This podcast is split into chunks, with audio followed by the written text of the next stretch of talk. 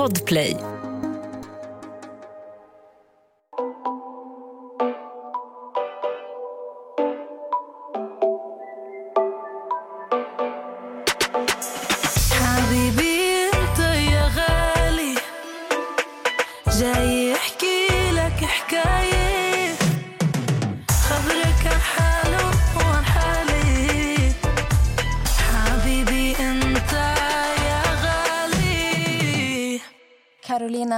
Salo och hennes man var på väg till Las Vegas på bröllopsresa. Hon skickade på vägen dit var sitt sms till alla sina barn. Jag älskar dig, skrev hon. Men den enda som inte hann läsa det var Robin. Den 19 januari 2016 sköts 15-åriga Robin Sinisalo till döds i Akalla. Samtidigt träffades hans storebror Alejandro av flera skott.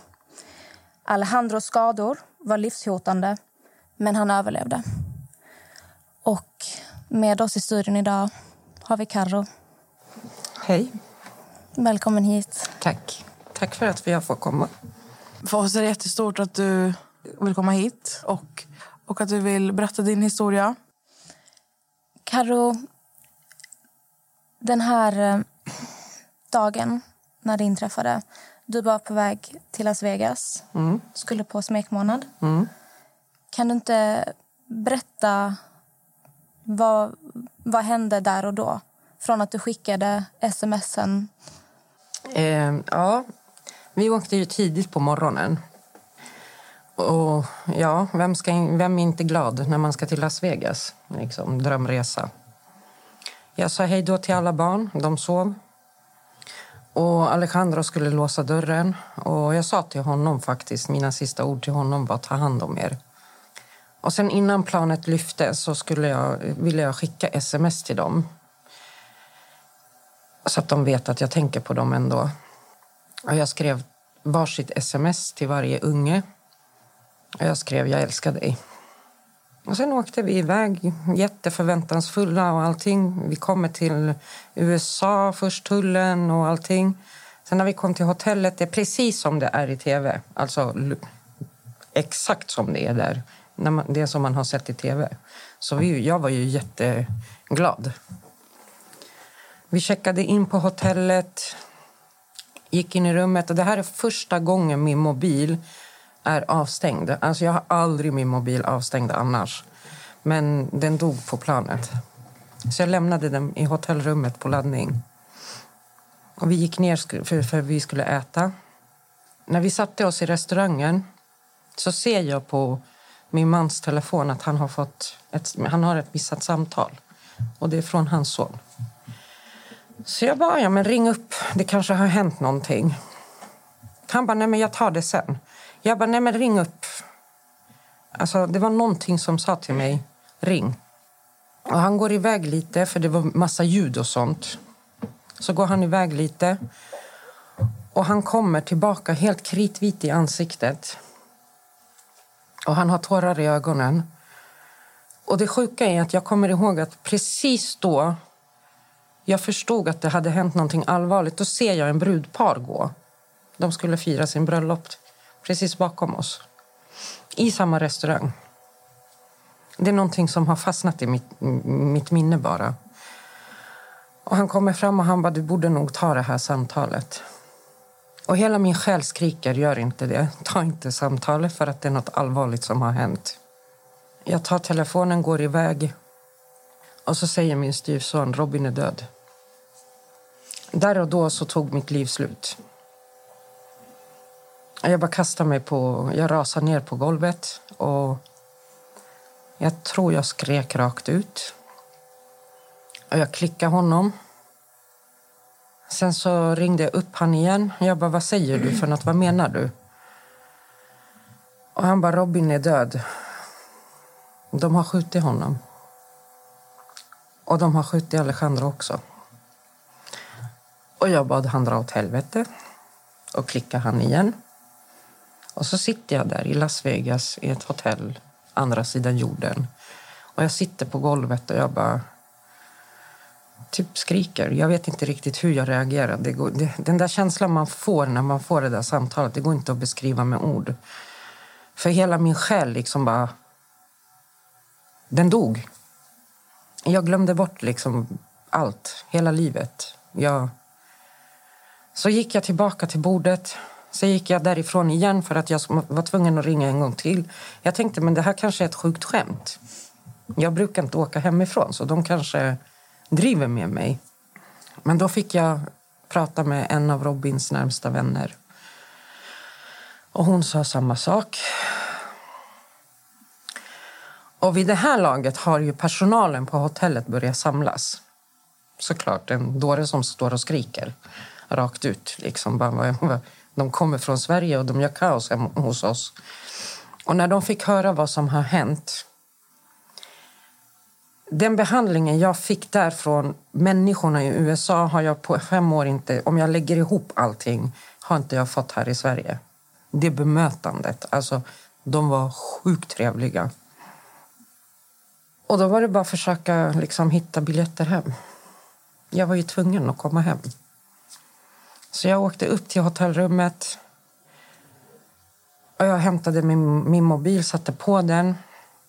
Och då insåg jag att det är tur att jag inte har haft den.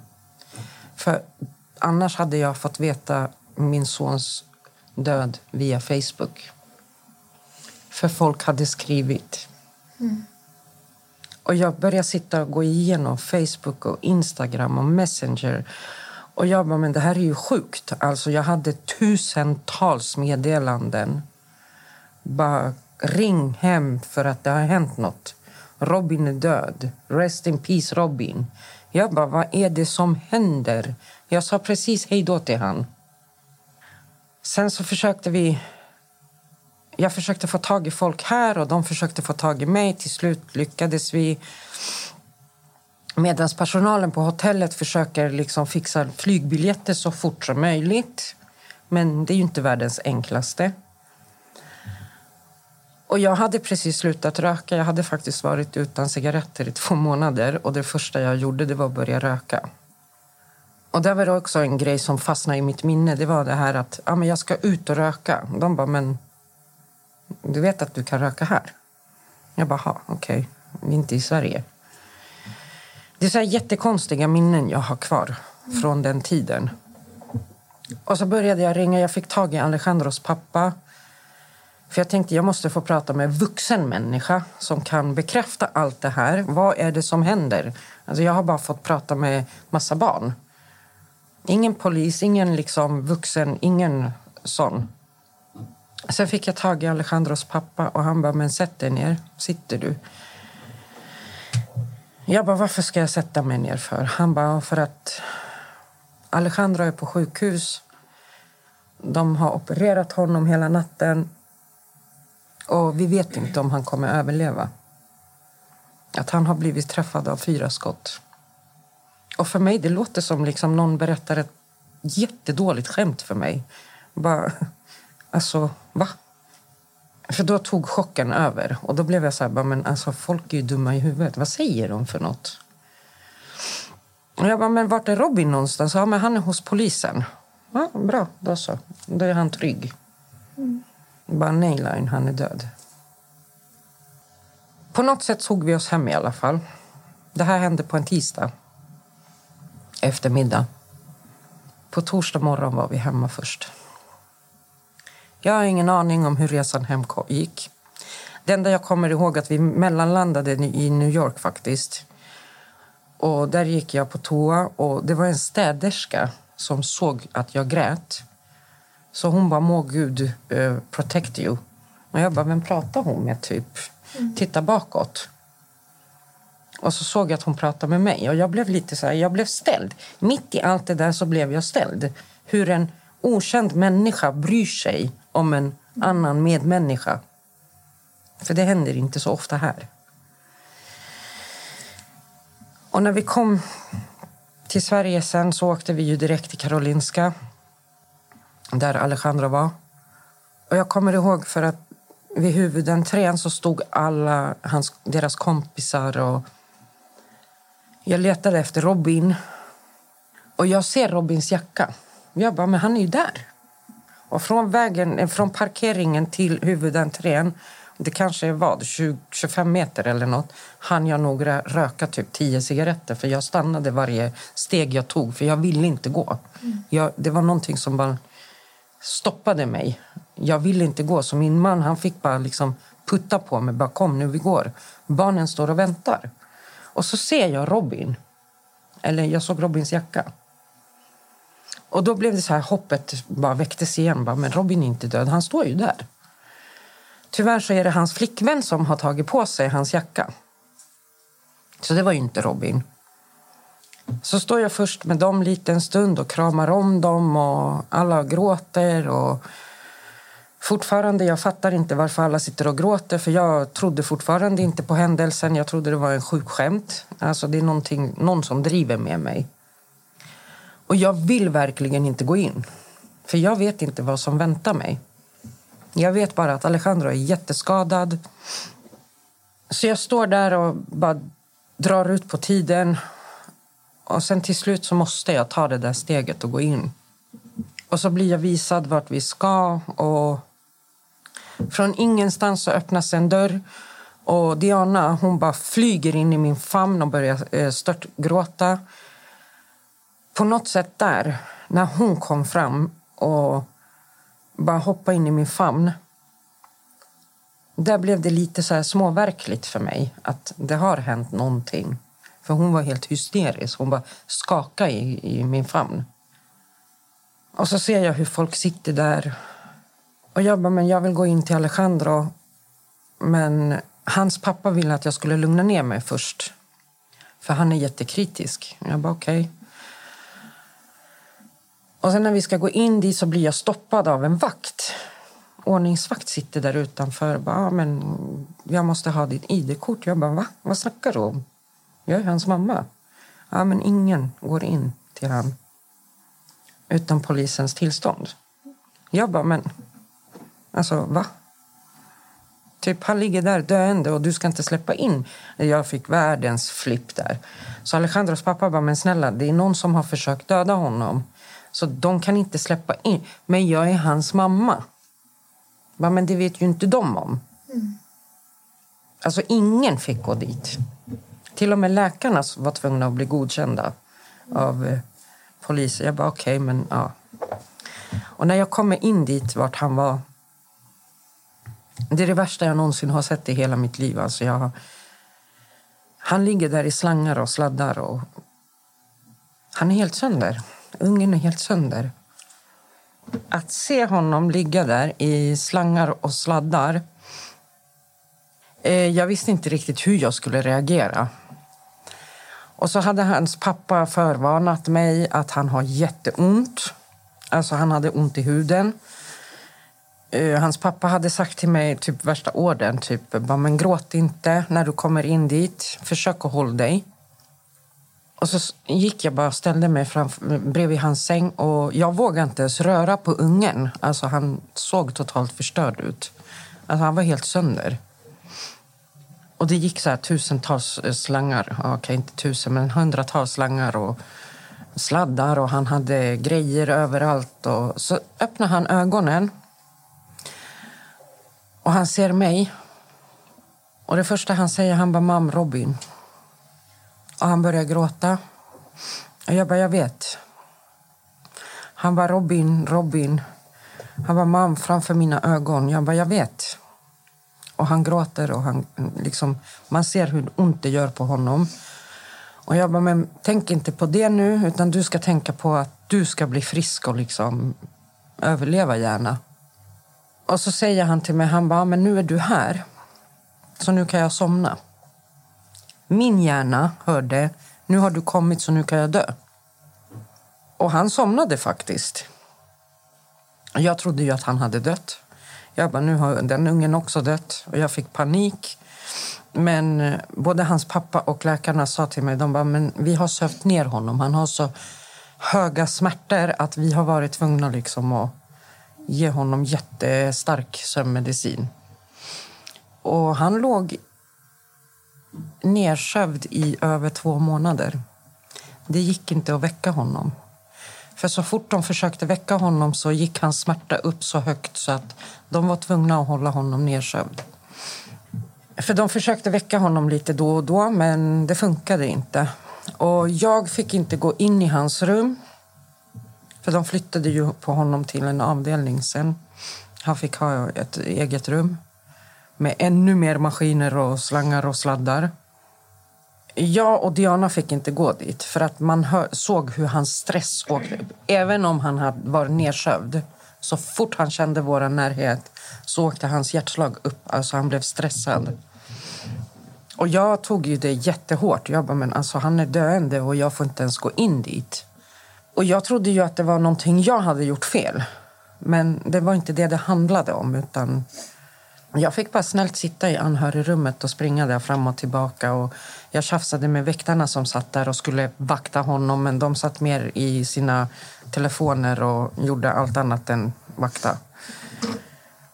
Vem som helst hade kunnat komma dit och skjuta honom igen. Och det här med att bo på sjukhus, för jag åkte bara hem väldigt sällan när folk tvingade mig. Någonstans där samtidigt var jag ju tvungen att fixa Robins grej också. På fredagen... Eh, polisen kom ju dit. Så fort de fick höra att vi är hemma igen så började de komma till sjukhus. Och Det var 34 förhör per dag. Och jag visste säkert vem det var, jag visste vad det handlade om.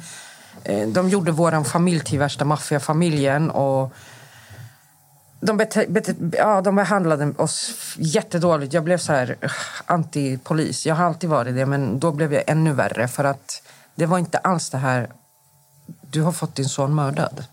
Utan du vet vad det handlar om. Och de förhörde Diana typ 34 gånger, alla liksom, hela familjen. Jag fattar att polisen måste göra sitt jobb när det handlar om en sån sak men någonstans måste den här finkänsligheten och mänskligheten finnas kvar. Mm. Och det, var, det hände jättemycket. Alltså det var tusentals människor som sprang efter mig och skulle mata mig och ge mig vatten. Och det var en jättejobbig situation. Jag ville bara vara själv. Sen på fredagen där så fick jag gå och se honom. För jag bara, men jag måste få se min son. Ja, men han är under utredning fortfarande. Jag bara, jag bryr mig inte. Ni får liksom ta en paus på er utredning. Gör vad fan ni vill. Jag måste få se min son. För att sist jag såg honom så levde han. Och nu lever han inte, säger ni till mig. Men då fixade polisen det och så fick jag gå dit till något jättekonstigt rum, kallt rum, stenrum. Där låg han och det såg ut som att han sov, men han var jättefin. Han var lika vacker som alltid. Och de hade täckt honom med sån vit... Han hade typ så här vit nattlinne på sig. Eh, de hade fryst ner honom med ena ögat lite öppet. Och när man står där och tittar på sin son som är död, typ. vad ska man säga? Vad tänker man? Typ? Jag stod där bara, ja. Och poliserna de typ gick och smälte in i väggen men de var tvungna att vara där inne. Vi fick inte vara själva. Eh, min man visste inte heller hur han skulle göra för att de trodde ju att jag skulle börja skrika och gråta och liksom allt. Men jag bara stod där och tittade på honom. Typ, ja. Och så smekte jag på honom och han var helt iskall. Jag viskade en sak till honom som är bara mellan mig och han. Och till den här saken tillhör att han och jag var ovänner när jag åkte. Och Det här är någonting jag aldrig har sagt i media eller någonstans. Det här är någonting som har dödat mig inifrån i fem års tid för att vi var ovänner. Och det är därför han inte hade öppnat smset.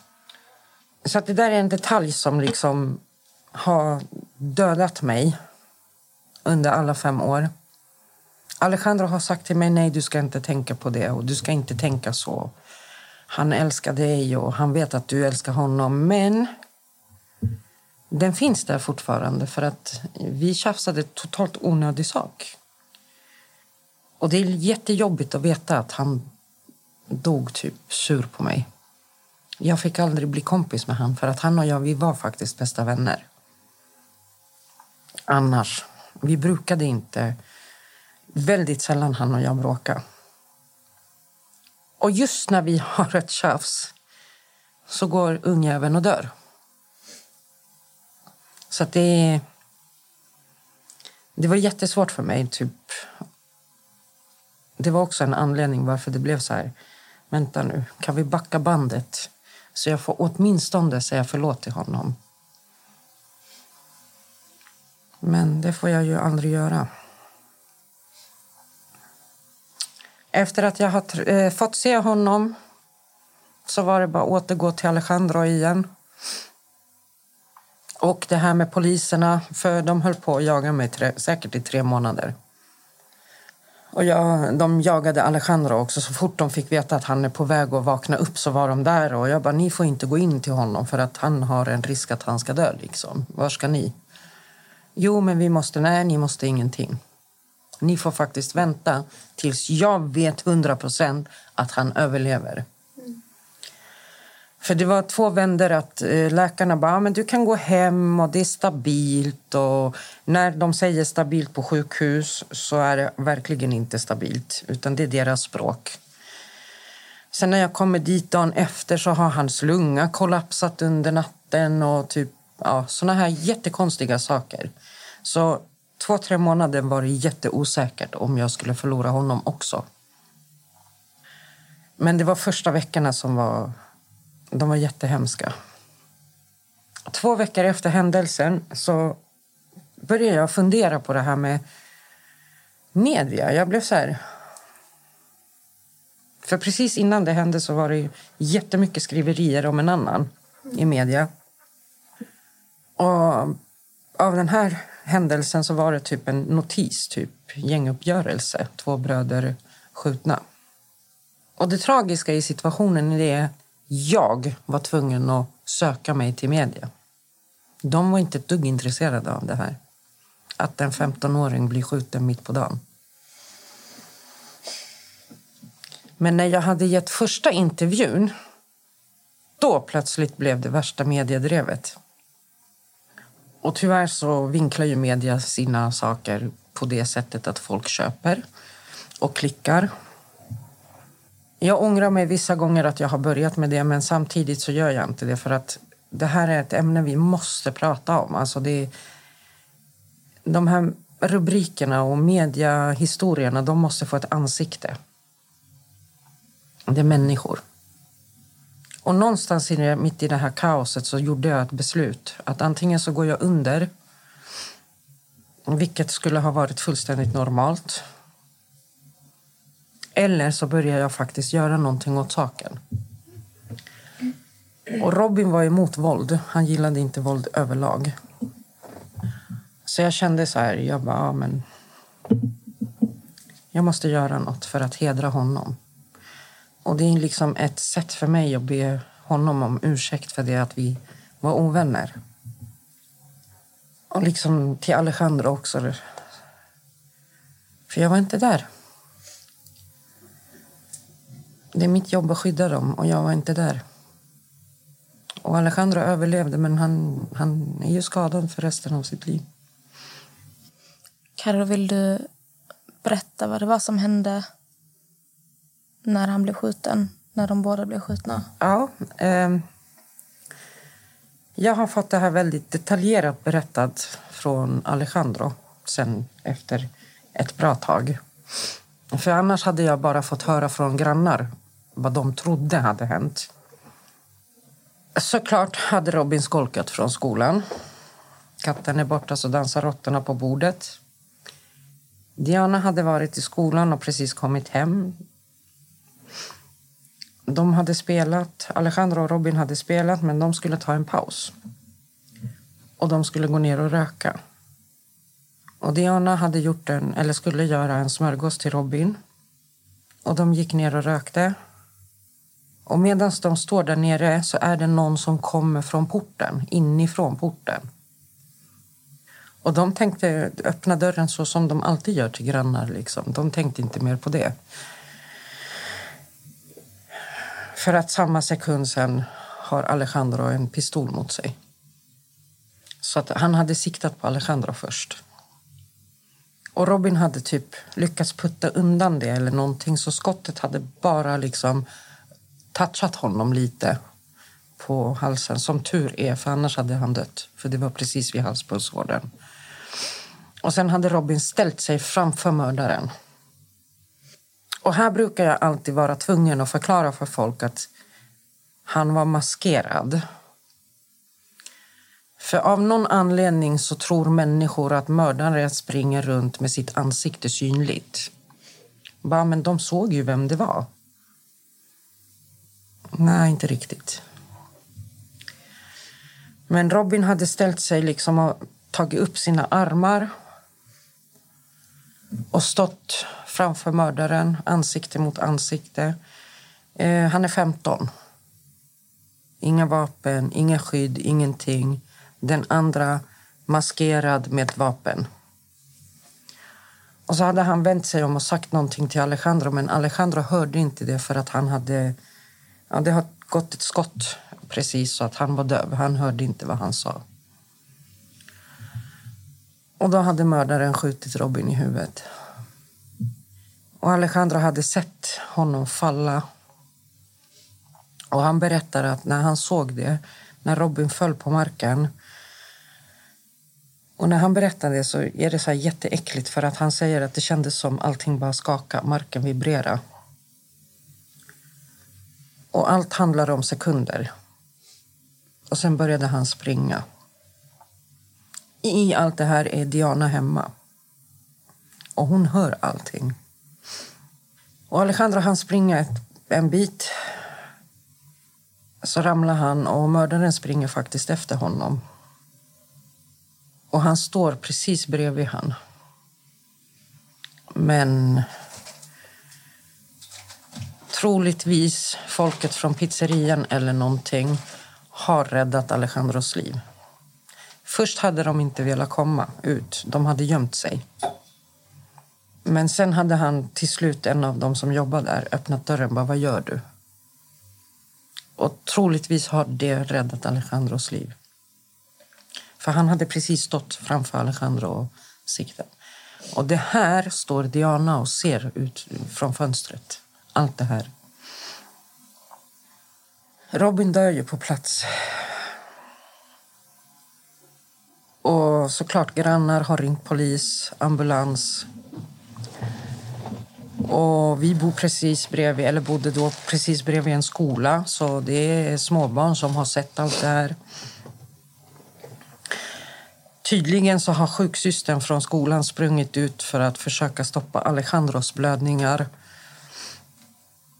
Och jag har fått berättat olika historier om hur länge det tog för polisen, hur länge det tog för ambulansen och allt det här. Så jag kan inte uttala mig om det, för jag vet inte. Det enda jag vet är att Robin har legat där utanför våran port i flera, flera timmar. De har låtit honom ligga där. Folk har filmat, tagit bilder. Och det finns fortfarande skotthål kvar där på staketet. Och allt det här har hänt medan jag var på andra sidan jorden. Och det kommer jag vara tvungen att leva med resten av mitt liv. Och Alejandro brukar berätta, när han, när han väl berättar om det här, att när han låg där på marken så kände han hur han blev kall. Han kände hur han var på väg att dö. Men någonting stoppade honom. Och vi tror på sånt, så vi tror att det är Robin. Att det finns en orsak till varför han överlevde. Som tur är så överlevde han. Poddtips från Podplay. I podden Något Kaiko garanterar östgötarna Brutti och jag, Davva, dig en stor dos skratt. Där följer jag pladask för köttätandet igen. Man är lite som en jävla vampyr. Man har fått lite blodsmak och då måste man ha mer. Udda spaningar, fängslande anekdoter och en och annan arg rant. Jag måste ha mitt kaffe på morgonen för annars är jag ingen trevlig människa. Då är du ingen trevlig människa, punkt. Något Kaiko, hör du på Podplay. Därför är gardinerna. Ja, Karo, tack så hemskt mycket för att du delar med dig av detta och kan prata om detta. Jag tror att det är otroligt viktigt för folk att faktiskt höra vad som händer och att det faktiskt sker framför våra ögon. Och eh, att man verkligen får höra att det är någons liv på riktigt. Det är ingenting du bara läser i tidningen. Det här händer framför våra ögon. Och det är otroligt rörande att lyssna på. Jag har inte haft... Jag har haft jätte, det har varit jobbigt att lyssna på. Mm. Ja, det har verkligen varit jätte... Alltså, den, din historia berör verkligen. Och det var, jag sa ju till dig under pausen att man får verkligen... Jag, kanske, jag kan inte känna dina, alltså det du kände när det hände. Men man, kan ju, man får liksom en, en bild av vad du har fått gå igenom. Och eh, din historia inspirerar inte bara oss utan förmodligen så många mer där ute och nu även våra lyssnare. Och det som har hänt har ju även lett till det du gör idag. Vill du berätta lite? Eh, ja, eh, på grund av det som hände vår familj så har jag faktiskt insett under åren hur mycket fel det är i vårt samhälle. För att det är inte bara jag och min familj som går igenom det här utan det är väldigt, väldigt många. Och jag började fundera på det som jag kanske har nämnt tidigare. Att en, två veckor efter händelsen så började jag känna att vänta nu. Varför inte förortsbarnens liv lika viktiga som alla andra liv? Utan det alltid avfärdas med gängkriminalitet. Eh, vi avhumaniserar offren. Och media skriver om sak, morden på så kallt sätt. Och jag ville med, mitt, med min sorg och med min familj och liksom det vad vi har gått igenom, min erfarenhet visa Sverige, hela samhället att det finns familjer. Det finns liksom liv. Att Robins liv var värd precis som någon annans liv. Eh, alla de här killarna som mördas och även de som mördar är helt livslevande människor. Och det finns alltid en mamma, det finns alltid en pappa, det finns alltid en syster. Det finns vänner. Eh, en fråga som jag ställde ganska tidigt i skedet eh, var att jag bad folk som har barn blunda ögonen. Alltså blunda. Se ditt barn framför dig. Ditt barn hamnar i kriminalitet. För det kan hända vem som helst. Det kan hända Olle, det kan hända David, det kan hända vem som helst i dagens läge. Och din son eller dotter har hamnat i kriminalitet, tagit en fel väg i livet. Ger det då någon, rätt, någon rätten att mörda den, ditt barn? Varför är ditt barn mer värd än mitt barn? Och ju mer jag jobbar eller håller på och kämpar, jag jobbar ju inte, det går inte att kalla det för ett jobb, utan jag gör det här för att jag brinner för våra ungdomar. Alltså jag, jag ser hur de mördas, hur de hamnar i kriminalitet, eh, hur de dras in i det. Och det visar ju bara att det är någonting som är fel i vårt samhälle. Och det är inte svart på vitt. Det är inte enkla lösningar. Det är inte en, två frågor, utan det handlar om 150 000 olika nyanser. Jag gapar på politiker. Jag kräver jättemycket från politikerna.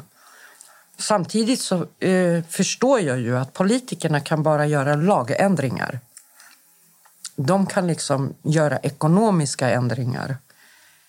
Men samhället är inte bara politiker eller jag, utan samhället är kassörskan på Ica, eh, städaren eh, i tunnelbanan, eh, lärare, fritidsledare, alla de här människorna. Jobbar du med ungdomar, var den personen som du hade behövt när du var ung. Jag är inte någon myndighetsperson. Jag är inte utbildad expert. Jag är inte kriminolog. Jag är inte någonting. Jag är mamma som har förlorat ett barn. Jag är en mamma. Jag är uppvuxen i Rinkeby. Jag kommer från förorten. Jag kommer troligtvis dö i förorten. Jag har varit förorten. Jag har liksom sett hela livet. Det som jag hade när jag växte upp, det är inte alls samma sak som idag. Det är en jättekall värld där ute. Och vi vuxna har en tendens till att äh, det är bara gängkriminella. Nej, det är någons barn, någons bror, någons son. Och så länge vi inte kommer ihåg det, då finns det ingen räddning. Politikerna kan ändra fängelsestraffen till hundra år. Politikerna kan göra lagarna hur hårda de vill. Men så länge samhället är så kallt och vi inte bryr oss om grannens barn och folket utanför förorterna skiter i oss i förorten vi kommer inte kunna rädda fler ungdomar. Vi kommer inte kunna rädda. Däremot så kommer det bli värre. För om vi tycker generationen som håller på nu är läskiga vänta tills generationen efter kommer. För om inte vi börjar förebygga och älska våra barn lite mer oavsett om de har ADHD eller gör fel. För det gör man när man är barn. Det gör man när man är ungdom. Jag är 45, jag gör också massa misstag fortfarande. Vi måste liksom hoppa ner från våra höga hästar och förstå att barnens liv där ute på gatorna, det är inte enkelt. Det är jättehemskt. Och det är det jag försöker liksom åstadkomma. Att vi börjar faktiskt älska våra barn och ungdomar igen. Eh, vi börjar se dem, vi börjar höra dem. Att vi köper mobiler, datorer, tv, nya kläder, det hjälper inte så mycket. Utan de behöver oss vuxna som ger dem kärlek. Mm. Som ser dem. Alltså fråga, hur mår du på riktigt? Hur mår du? Mm. Vad behöver du för att du ska klara dig igenom den här veckan i skolan? Eller arbetet eller praktiken eller vad det nu är de gör.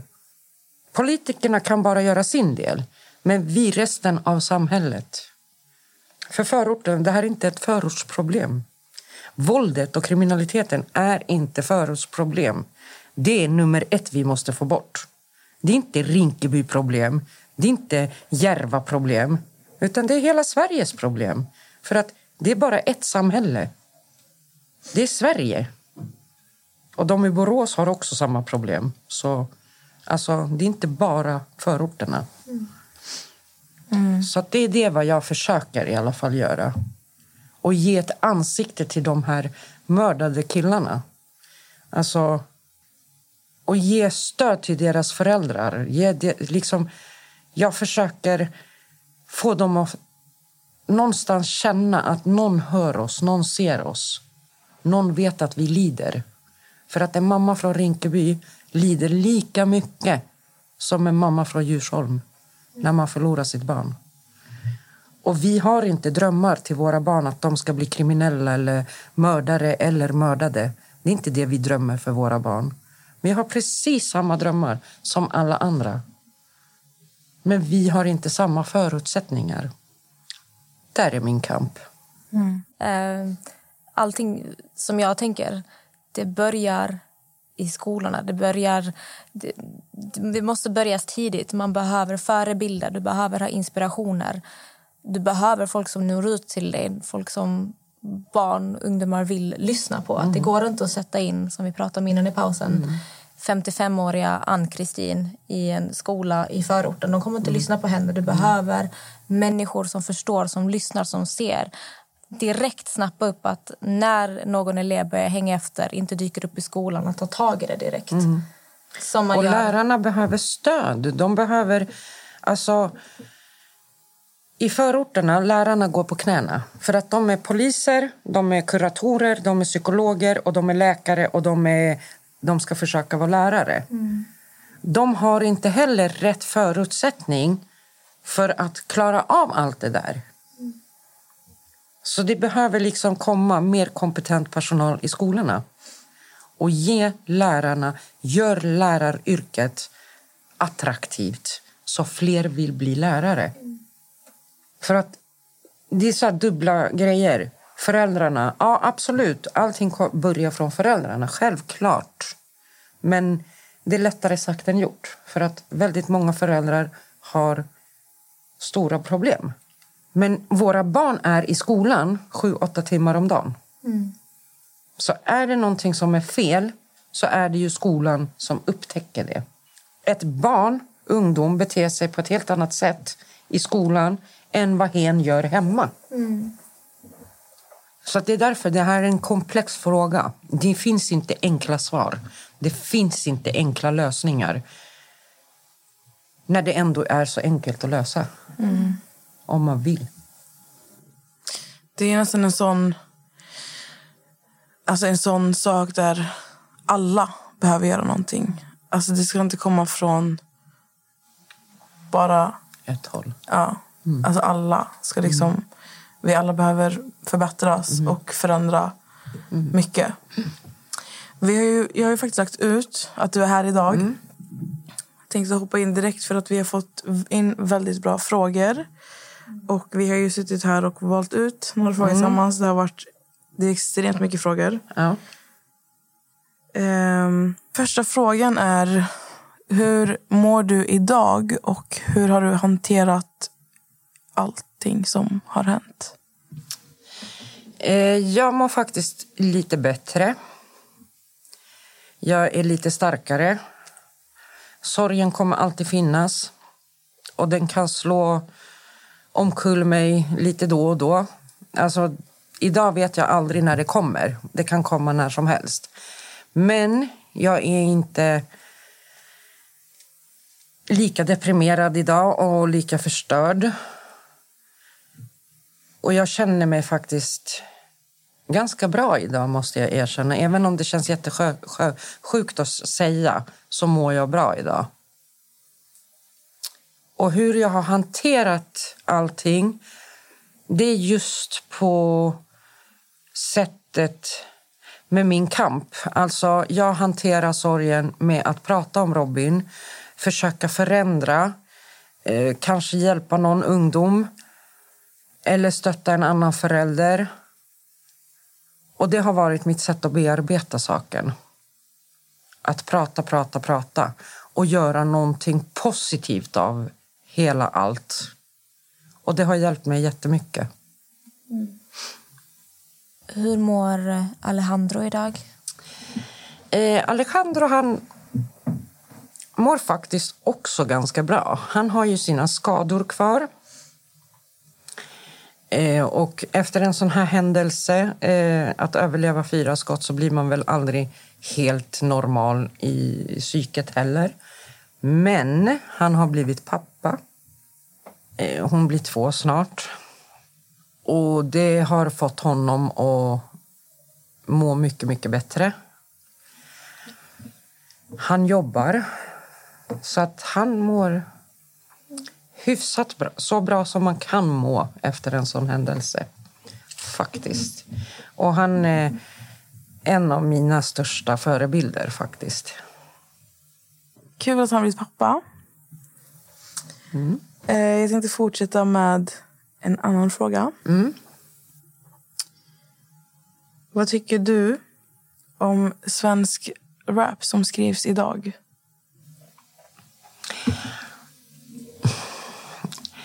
Jag vill vara väldigt försiktig med att svara på den frågan. För att, nummer ett, jag lyssnar inte på svensk rap. Eh, det lilla jag har hört...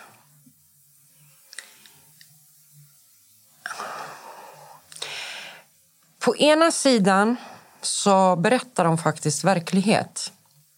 Och ska vi förhindra det?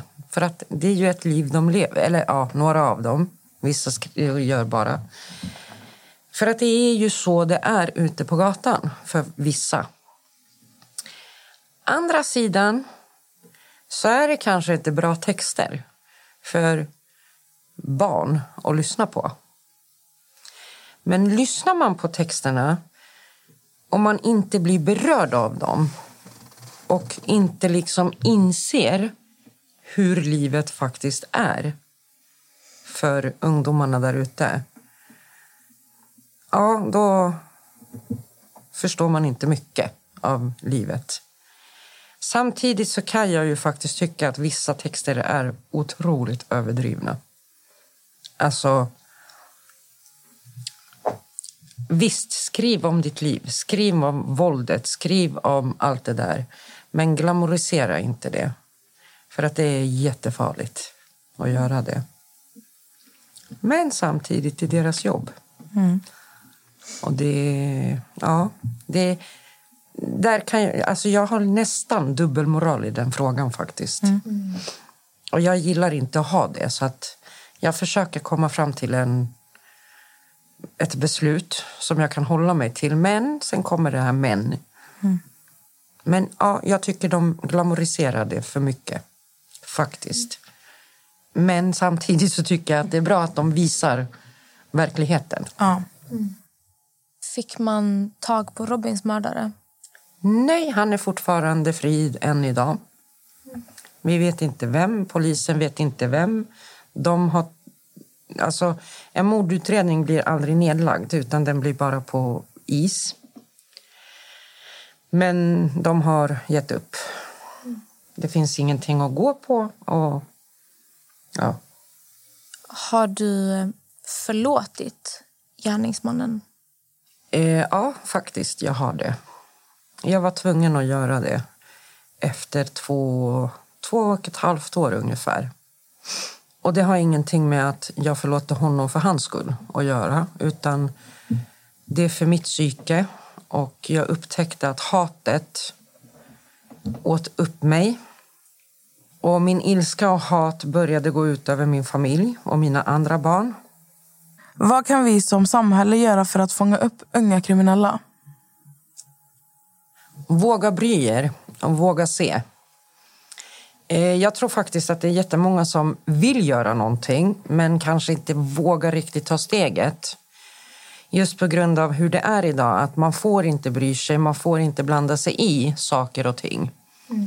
Men mm, vi behöver bli faktiskt bättre på att våga söka hjälp. Ser du att någon ungdom mår dåligt eller någon eh, alltså riskgrupp eller någonting man ska kunna kontakta. Det finns olika organisationer. Man behöver inte direkt gå till socialtjänsten eh, som också ska hjälpa. Men det finns hjälp. Eh, prata med läraren eller personal i skolan eller kurator om det finns. Eh, vi måste våga faktiskt börja blanda oss i lite mer i tidig ålder. För man, kan, man vet aldrig, man räddar kanske någons liv. Mm. Och börja älska alla ungdomar bara helt enkelt. Hur tycker du poliserna gjorde sitt jobb?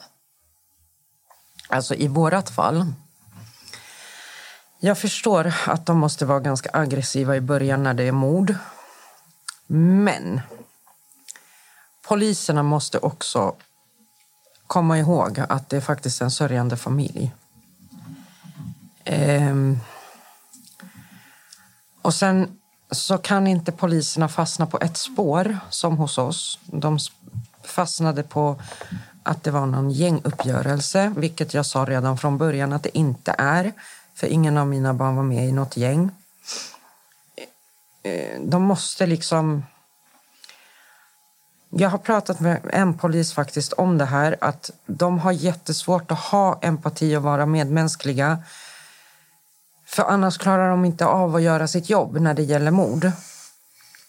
Men någonstans måste det finnas den här fingerkänslan. Alltså den här medmänskligheten. Man kan faktiskt vara en med, alltså em, ha empati och vara en bra polis samtidigt. Det måste gå. För att, att terrorisera en familj som precis har fått två barn skjutna det är inte kanske rätt väg att gå. Och det här good cop, bad cop, det funkar inte heller. De körde med det också. Och döm inte folk. Liksom. Bara för att vi är från Rinkeby betyder inte att vi är någon maffiafamilj eller något. Alltså, ja.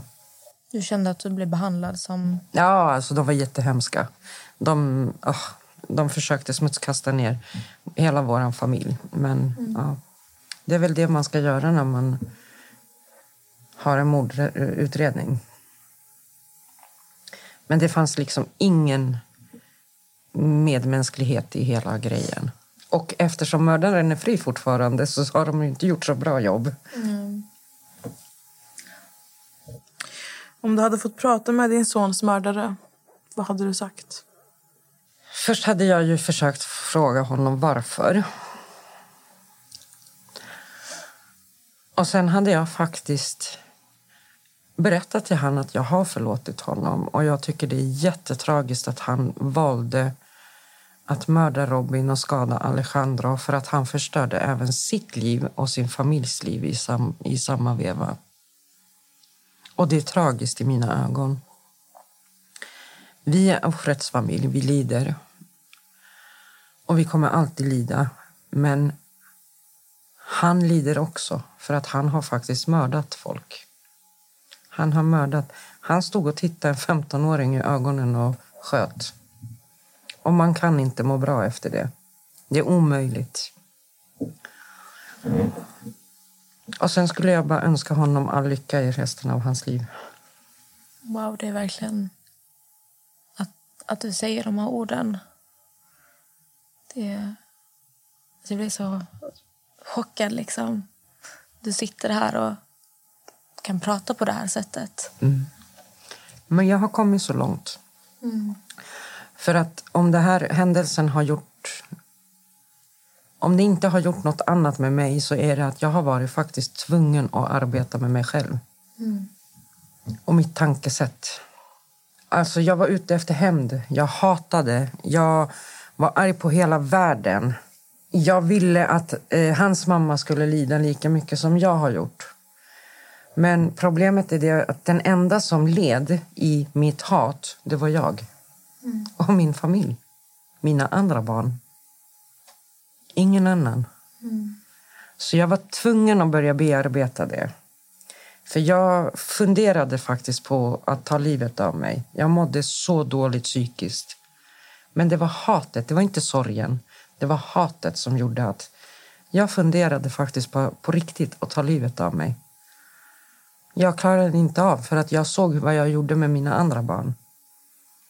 Så jag var tvungen att börja bearbeta. Och det enda sättet jag kunde gå vidare från hatet var att förlåta honom.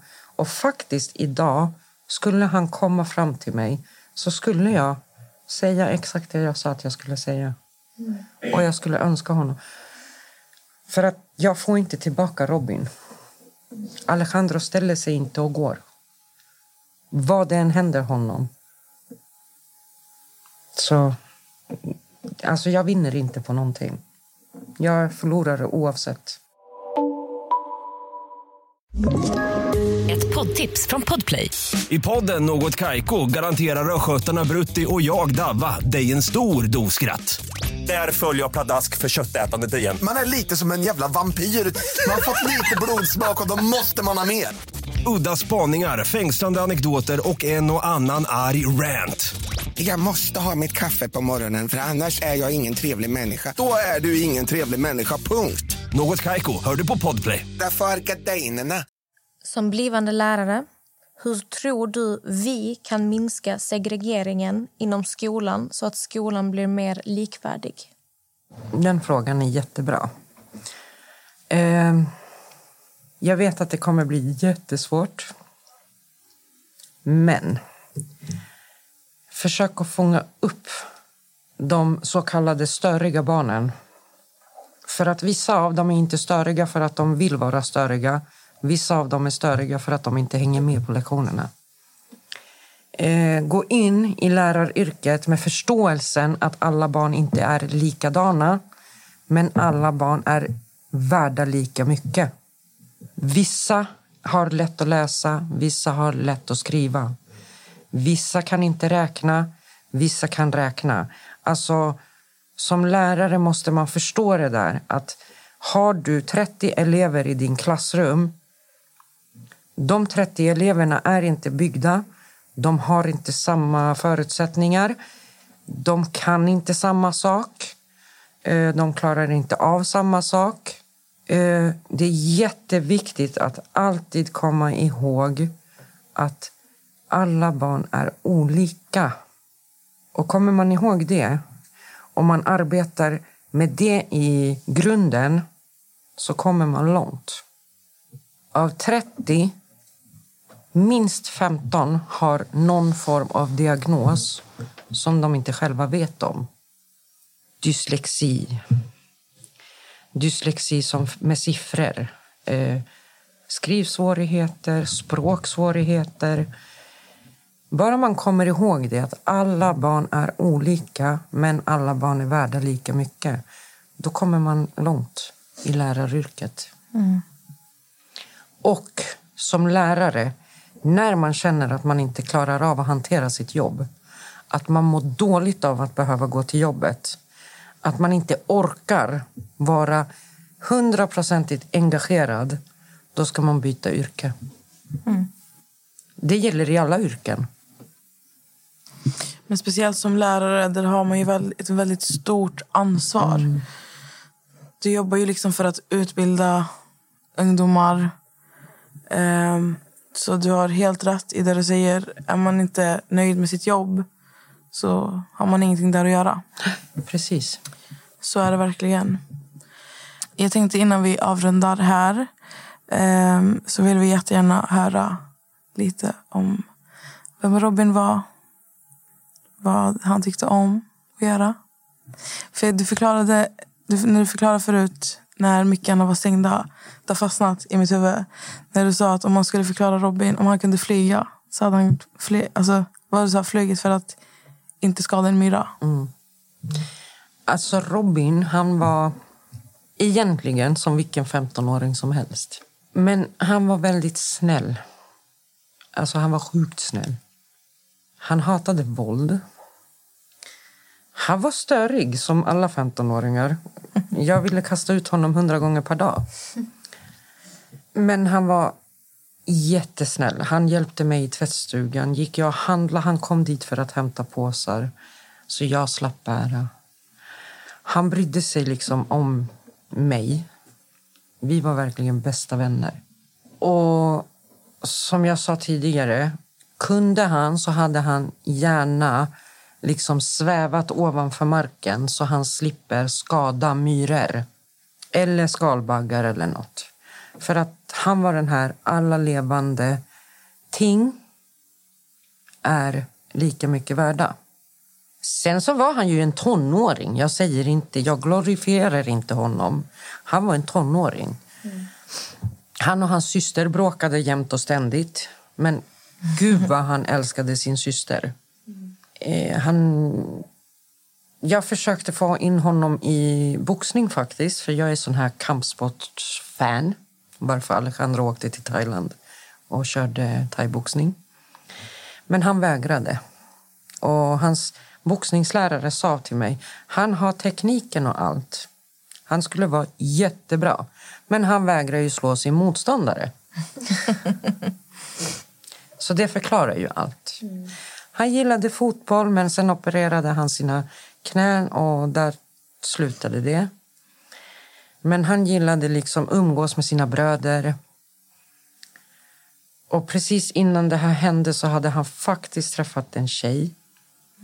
Eh, när han var, vad var han, 8-9 så åkte vi till Thailand med en vän till honom. Och där upptäckte han hur fattigt barnen har. Så hans stora dröm var att hjälpa fattiga barn i Thailand. Vilket vi har nu lyckats med en annan organisation, Kids Future. Nu gör jag lite smygreklam. Men de är en organisation och de har så här House of Hope. Det är som en typ fritidsgård slash skola. Nu har vi lyckats i januari på hans födelsedag, hans 20, 20-årsdag, öppnades det en, ett hus som heter Robins House of Hope. I en jättefattig by i Thailand. Och där får barnen eh, hjälp med skola, de får mat. Eh, de får lära sig liksom allt om odling, om hygien.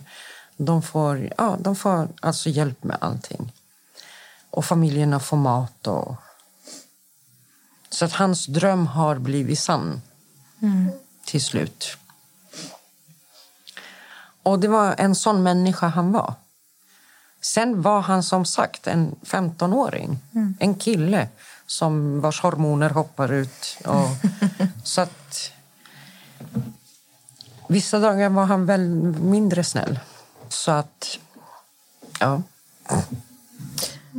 Han, han låter ju verkligen... Det är klart, 15 år. Man är ju jobbig. Ja. Är man ju, men... Jag tror inte det finns en enda 15-åring som inte är jobbig. Nej. Men du beskriver ju honom verkligen som en människa som hade ett hjärta av guld. ja, han var det. Och eh, av bilderna jag har sett på honom, han ser, alltså man ser att han är en snäll människa. Man ser sånt. Mm, han var jätte... Alltså som sagt, jobbig tonåring. Men han var väldigt snäll. Alltså, han ville bara att alla skulle må bra. Jag tycker det är så otroligt fint att ni har fått hans dröm att vad säger man, bli sann, gå i uppfyllelse. Och jag tror på att han ser allt och att han är med er. Ja, det hoppas jag. Och om man vill eh, stötta Rob Robins House of Hope, Mm. Hur kan man gå tillväga? Eh, då kan man gå in och följa Kids Future. Skrivs... Vi kommer länka. Vi kommer Ja. länka det. Exakt. Och De har det. både Instagram och Facebook och hemsida också. Men Mm. på Instagram ser man allt. Och så kan man donera. Eller ja, swisha, whatever. Och det går direkt. Ja, det går till Kids of... Eh, Man ska markera Robin bara. För de har två, tre hus. Så att skriver man bara Robin då, eller Karo, då vet de att det Så ska Robin dit. eller Carro. Ja. Men vi skriver ut all information på Instagram. Ja, ni kommer hitta på poddens Instagram Ja. och under avsnittet också. Mm. Men eh, Karo, vi har ju sagt det flera gånger, det har varit en otrolig ära att du har kommit hit idag. Jag vet att du inte tycker om att jag säger så, men eh, att du kommer hit och delar med dig av vad du har gått igenom.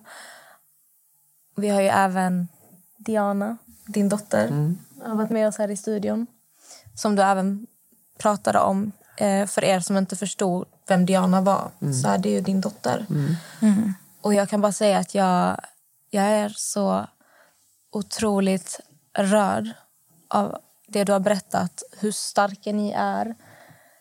Vilka otroliga människor ni är. Jag känner er energi. Och du vet, så fort jag träffade dig jag blev bara så här bekväm. Och man märker att det finns så mycket gott inom er och det är er styrka. Så jag, jag kan inte ens för, föreställa mig vad ni har gått igenom. Och jag har själv suttit och tårarna har liksom runnit. Men jag vill verkligen säga tack för att ni ville komma hit idag. Och eh, Det betyder mycket för oss också att vi kan lyfta det här i podden. Att människor, ni behöver höra det här, vad som faktiskt pågår.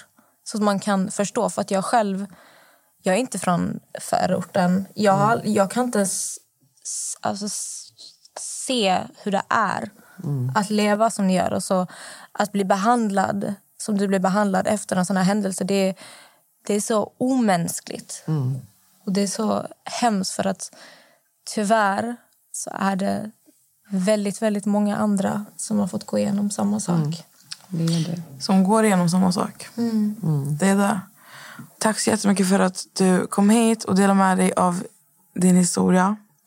Den har verkligen berört oss. Um, och sådana här ämnen är ju viktiga att lyfta, prata om. Du pratar ju för många andra. Um, vill ni hjälpa till att göra skillnad så kan ni donera till Kids Future. Vi kommer länka på vår Instagram och uh, under beskrivningen till avsnittet. Och markera då med Carro eller Robin. Ja. Så går det till Robins hus. Och med det sagt, Så tackar vi dig jättemycket för att du ville komma. Tack för att jag fick komma. Det är ju... För mig är det jättestort att få komma och nå ut till ännu fler människor. Det har varit jag har varit exalterad sen jag pratade med dig i telefon att du ska komma hit. För mig och Amela så är det som sagt, alltså, alltså mitt ord jag använder är mäktigt. Alltså jag tycker att det är mäktigt att du kommer till vår podd och vill prata här. Vi sa det verkligen direkt att för, alltså för mig känns det du är liksom vår mäktigaste gäst. Mm. Din historia. Och när jag fick samtalet av eh, Nessa att du skulle komma till podden. Alltså jag blev tårögd för jag gick in på din Instagram och kollade igenom dina bilder. Jag såg bilder på Robin, på Alejandro, på Diana. Och jag blev bara så tårögd. Jag, jag bara tänkte att det är så, det är så orättvist. Och det gjorde, du vet, jag, jag blev så otroligt rörd av att du ville komma hit. Jag är jättetacksam och jag är jätteglad att jag fick träffa er båda två. Verkligen. Fantastiska människor. Verkligen. Tack. Och tack för att ni lyssnar på det här och ni har lyssnat på hela avsnittet. Jag hoppas att ni har fått med er lite, vad säger man, knowledge om hur det faktiskt ser ut. Ehm, ja, tack för oss. Ja, tack för att ni har lyssnat och tack för att ni lyssnar på oss. För Jag vet om att våra lyssnare de är, de är bäst. De är bäst. De är verkligen bäst. Och de, jag vet att det är bra människor. De bryr sig. De är väldigt dedikerade när vi tar upp viktigare ämnen. Och vi kommer fortsätta göra det. Lyfta saker som, som, som man faktiskt kan påverka. Så tack för oss idag. Tack så mycket.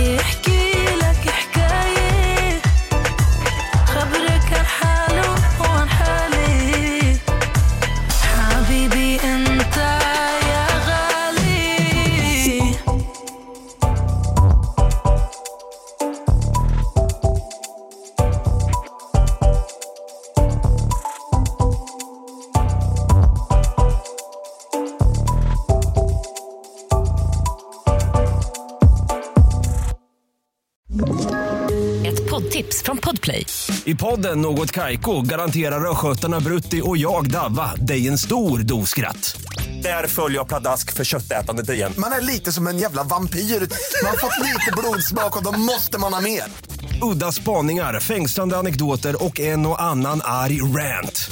Jag måste ha mitt kaffe på morgonen för annars är jag ingen trevlig människa. Då är du ingen trevlig människa, punkt. Något Kaiko, hör du på Podplay. Därför är gardinerna.